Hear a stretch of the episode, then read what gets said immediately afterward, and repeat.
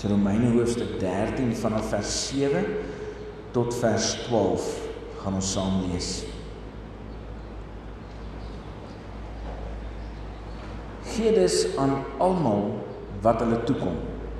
Belasting as dit belasting is, aksyns as dit aksyns is, ontzag as dit ontzag is, eer as dit eer is.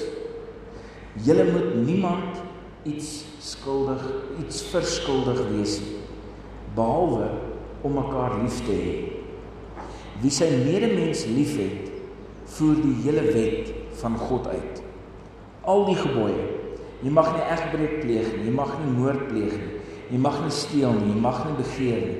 Of watter ander gebod daar ook al is, word immers in hierdie een gebod saamgevat. Jy moet jou naaste lief hê soos jouself. Die liefde doen die naaste geen kwaad aan nie. Daarom is die liefde die volle uitvoering van die wet. En dit alles is nodig omdat jy weet hoe laat dit al is. Die uur is reeds daar dat jy uit die slaap moet wakker word. Want die tyd van ons finale verlossing is nou nader as toe ons tot die geloof gekom het.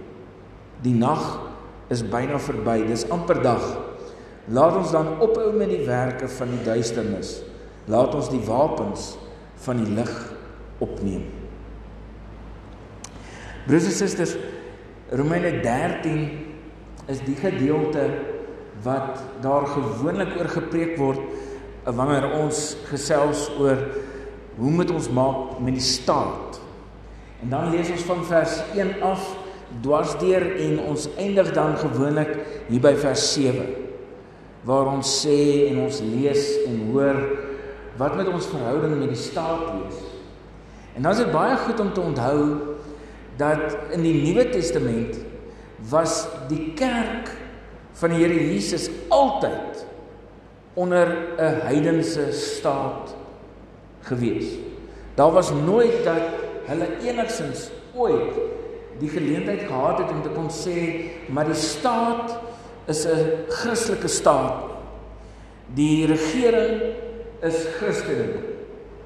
Dwars deur die Nuwe Testament dan vind ons dat die gelowiges, die Christene in die Nuwe Testamentiese tyd glad nie dit ken dat die regering van hulle tyd ook kinders van die Here is. So ek dink ons kan jy so ongelooflik baie leer by daardie tyd. Want as hulle hier skryf dwars deur die Nuwe Testament, dan kan dit so direk met jou en my praat. Want dit voel mos ook nie vir jou en vir my of die mense wat die regering is van ons Christene is. Ons kan ons ons vereensgewig met met hulle.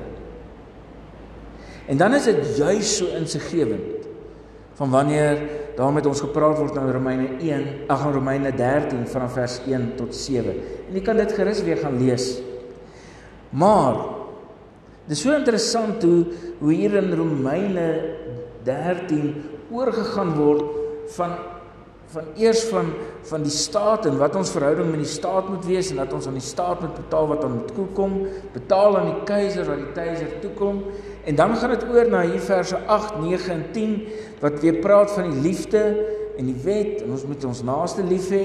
En dan vers 11 en verder wat weer vir ons begin praat en sê maar die uur is naby, die einde is naby. Ons moet die dinge van die duisternis los. En juis daarom vandag wil ek hê dat jy vers 7 tot vers 12 saam as 'n gedeelte moet lees en iets bietjie anders dalk raak sien as wat ons voorheen raak gesien het. Onthou daardie hoofstukke, daardie paragrawe met die opskrifte in ons Bybels. Daardie opskrifte en daardie paragrawe is maar deur mense in die kerk deur die tyd so uiteengesit as 'n paragraaf. So ons kan eintlik dit ans een lees en ek wil juis vandag dit 'n bietjie op julle hart druk. In vers 7 word daar gesê gee dus aan almal wat hulle toekom. As dit belasting is belasting, as dit aksyns is aksyns, as dit ontsag is ontsag, as dit eer is eer. So gee aan die wat iets toekom wat by hulle hoort gee vir. Dis hoe dit hoort. Wat ook al dit is, gee dit vir. Maar vers 8 sê en dis waar ek nou wil hê moet u 'n maar insit. Wat jy nie aan iemand verskuldig moord te wees nie, is skuld. So Wat dink julle daarvan? Klink dit nie wonderlik? Jy behoort nie skuld te hê nie. Ons behoort nie iets aan mekaar verskuldig te wees nie. Niks.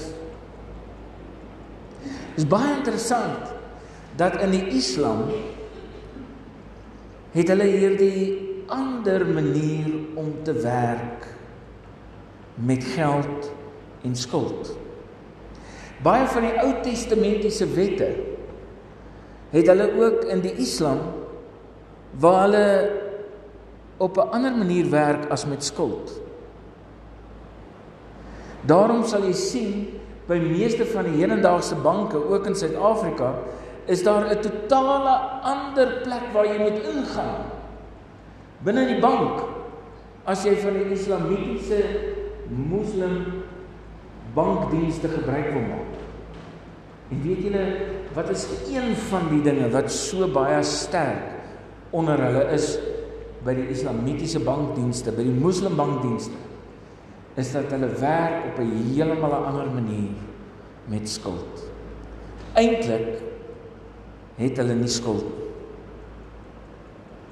Dink nou net hoe kreatief kan jy omgaan as 'n entrepreneur as 'n besigheidspersoon met al die planne en drome wat jy al gehad het, met die winkels, met die besighede, met die boerdery wat jy al wou begin het, as jy dit kon doen sonder skuld. As jy 'n huis kon bou, kon koop, 'n voertuig sonder skuld. As ons na die Ou Testamentiese wette kyk en voorskrifte kyk wat 'n mens veral in Levitikus kry, dan word daar selfs gesê dat weet jy wat?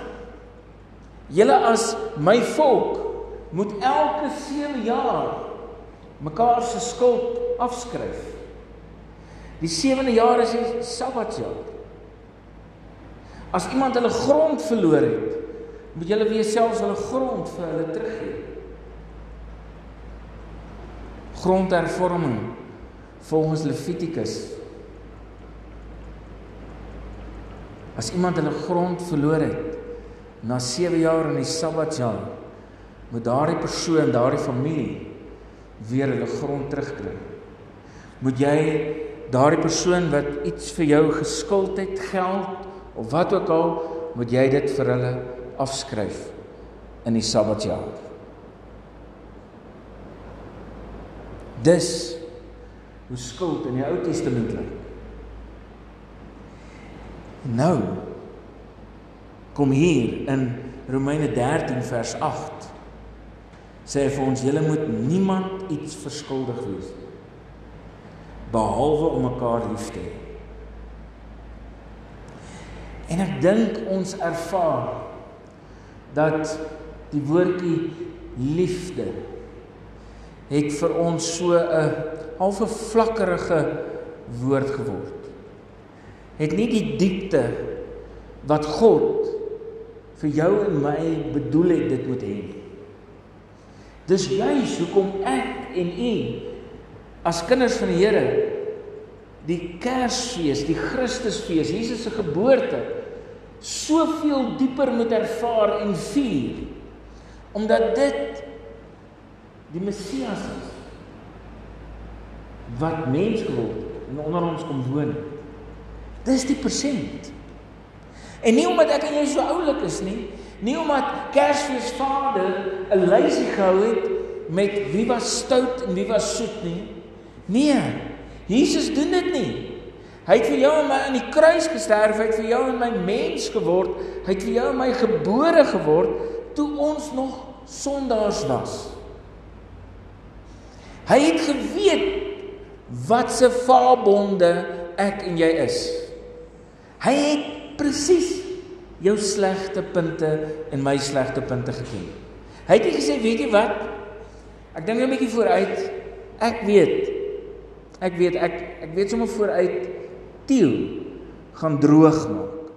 Ek weet, ek ek weet op hoërskool en universiteit eeu gaan nie vir hom sterf nie. Ek sterf vir die res, maar nie vir Theo nie. Nee. Dis nie wat hier gebeur het nie. Hy het mens geword. Hy het vir jou en my aan die kruis gesterf. Hy het opgestaan uit die dood uit genade alleen omdat hy vir jou en my liefhet. Dis liefde. En dan beskryf hy dit ook in sy woord. Hy sê niemand het groter liefde as dit nie dat hy sy lewe vir sy vriende aflê. Dis 'n voorbeeld van Jesus. Dis ware liefde. Dis liefde. Dit is die enigste ding, hierdie liefde. Is die enigste ding wat ek aan en jy aan mekaar skuldig is. Dis al wat ons mekaar skuld. Net dit. Hierdie onvoorwaardelike liefde. In die tweede deel van vers 8 sê hy wie sy medemens liefhet, voer die hele wet van God uit.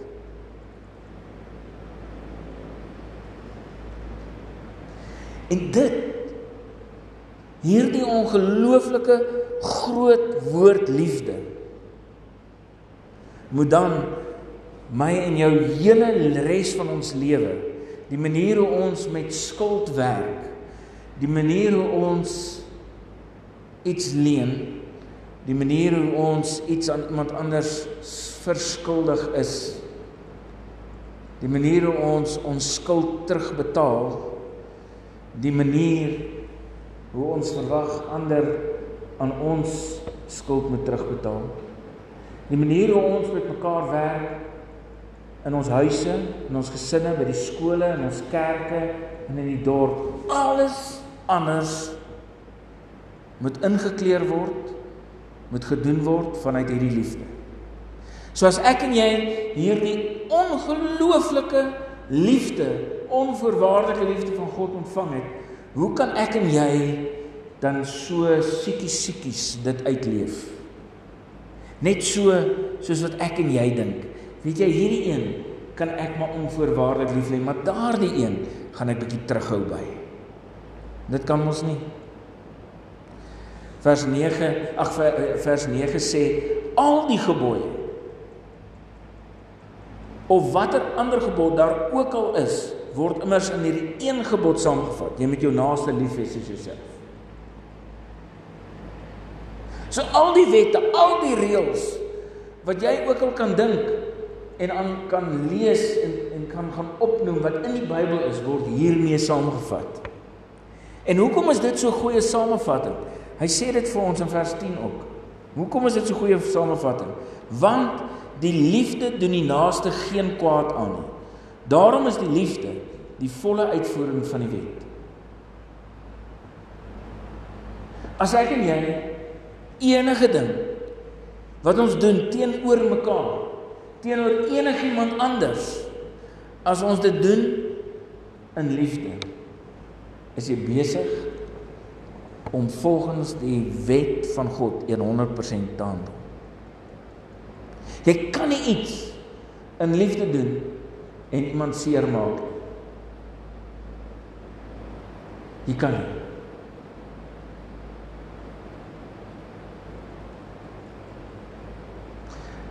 As jy dit doen, wat ook al jy doen en iemand kry seer, het jy dit nie in liefde gedoen nie.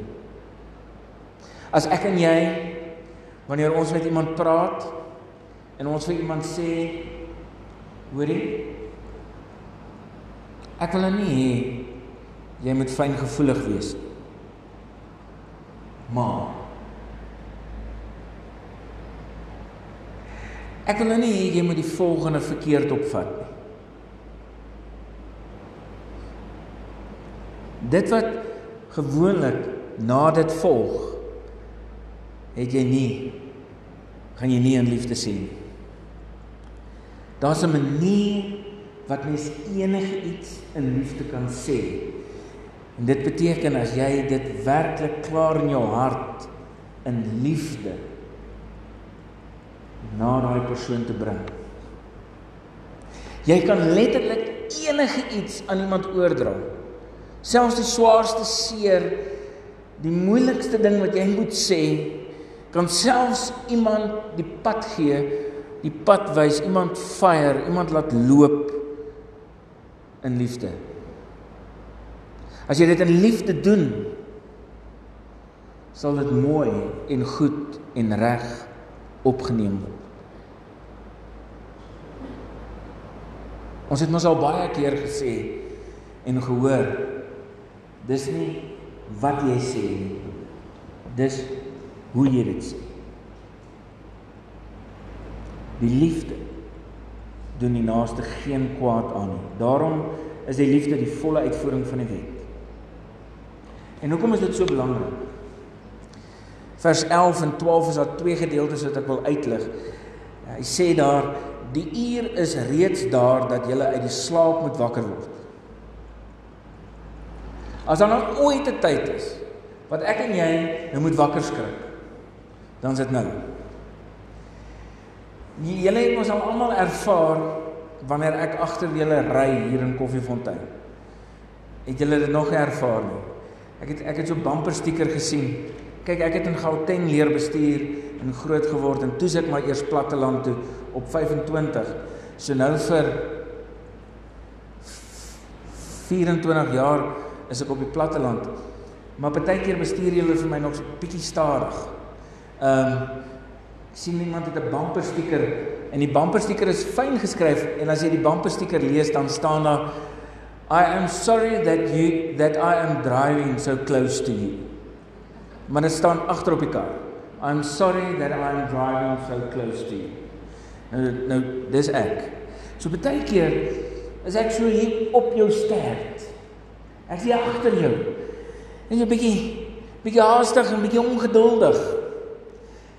En dan wil ek sê, my genigtig word net wakker. En as jy wakker word, ry net bietjie vinniger. My oupa het blykbaar gepraat van 'n diep in die hoed. Weet julle wat is 'n diep in die hoed? Uh dis dis dis 'n oom wat nou bestuur, maar bietjie stadig bestuur, maar die hoed is blykbaar so diep oor sy oë getrek. So my oupa het gepraat van 'n 'n diep in die hoed. Nou selfs ek nou deesdae, niemand gebruik meer daai term nie. Dan my kinders weet al dan sê ek, ja, hier's weer 'n diep in die hoed. 'n weet 'n diep in die hoed. En dan 'n partykeer hak my net vas. Maar weet julle wat?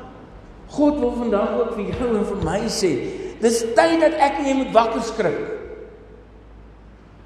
Dis tyd dat ek en jy in hierdie lewe moet leef soos wat hy wil hê ek en jy moet leef. En dit het niks met die Ou Testamentiese wette uit te waai nie. Ek en jy kan al die Ou Testamentiese wette vat en regtig vat wat hier staan in swart op wit. Hier staan dit. Al die gebooie of watter ander gebod daar ook al mag wees, word immers in hierdie een gebod saamgevat. Jy moet jou naaste lief hê soos jouself. Hieroor moet ek en jy baie vinnig wakker skrik. Niemand van ek en jy het al ooit in 'n bekleierery betrokke geraak omdat ons iemand onvoorwaardelik liefhet nie. Niemand nie.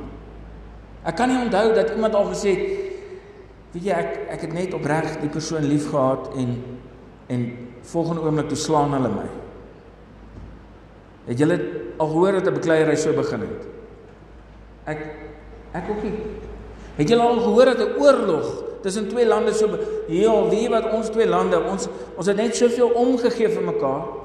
En jy weet as die een land swaar kry het ons vir daai land gehelp en die ander land sê ja jeeslik hulle hulle het ons al altyd net ongelooflik gehelp. En uh, maar die volgende oomblik toe val die missiele. Omdat ons is het julle al ooit gehoor dat 'n oorlog so begin het? Al ooit? Nee. Wie van julle kan nog onthou toe daar regtig nou net kroe was? Weet julle hoe begin 'n fight in 'n kroeg? Jy skop die deur oop. Die fight gaan self begin.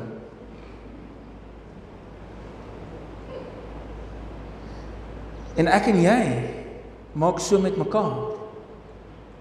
Sonder om te groet nog, want kyk jy wie ons raak so opgewerk as iemand jou kwaad maak of iets, dan werk jy op en jy kom met daardie persoon aan en dan skop jy sommer die deur oop en die bekleierery gaan self begin. Jy weet hoe waar jy. As jy oorlog in jou hart het, gaan jy oorlog kry. As jy oorlog gaan gee en 'n bekleierery gaan gee, gaan jy oorlog kry. Vers 12 sê: "Laat ons dan nou ophou met die werke van die duisternis." Laat ons die wapens van die lig opneem. Ja, ons moet wapens opneem. Ons moet. Maar die wapens van die lig lyk bietjie anders as die wapens van die duisternis. Die wapens van die lig beteken jou hart is tot oorlopends toe vol van liefde vir ander, selfs vir die diep in die hoed voor jou. Weet julle wat het my al wel oorgekom? En genadiglik was dit nie eers in die Vrystaat nie. Dit was in my eerste gemeente. Ek dink ek was so 2 jaar in die gemeente gewees. En ek ry tussen Sannieshof en Delarey. Die pad is sleg. En hier's 'n diep in die hoed voor my, maar ek is haastig. Kyk, toe was ek 27. Ek's nou 48. 'n Bietjie van 'n verskil, né? Nee, Jy's mos verskriklik haastig en mos besig en goed op 27. Jy moet mos nog kyk hoe vinnig kan die kar en hoe vinnig kan jy daar. Jy weet mos jy wil jy's mos die storm en drang jare nog daar op 27. Mense maak is kwaad vir hierdie oom en hy ry regtig. Hy die einde is naby. Julle sal nie glo nie, maar die oom leef nog steeds. Maar maar ek het gedink die einde is naby, soos wat die oom bestuur. Ons moet hom net toe gooi. Hy moet net in 'n gat inry en gooi ons hom toe. Ek het dit alles gesê vir die oom. Ek ry agter hom. Hier maar ek werk myself op en ek is kwaad en toe ek so by die oom verbykom, toe wys ek ook so en toe waai die oom so vriendelik vir my, dis dit my leier ouderdom.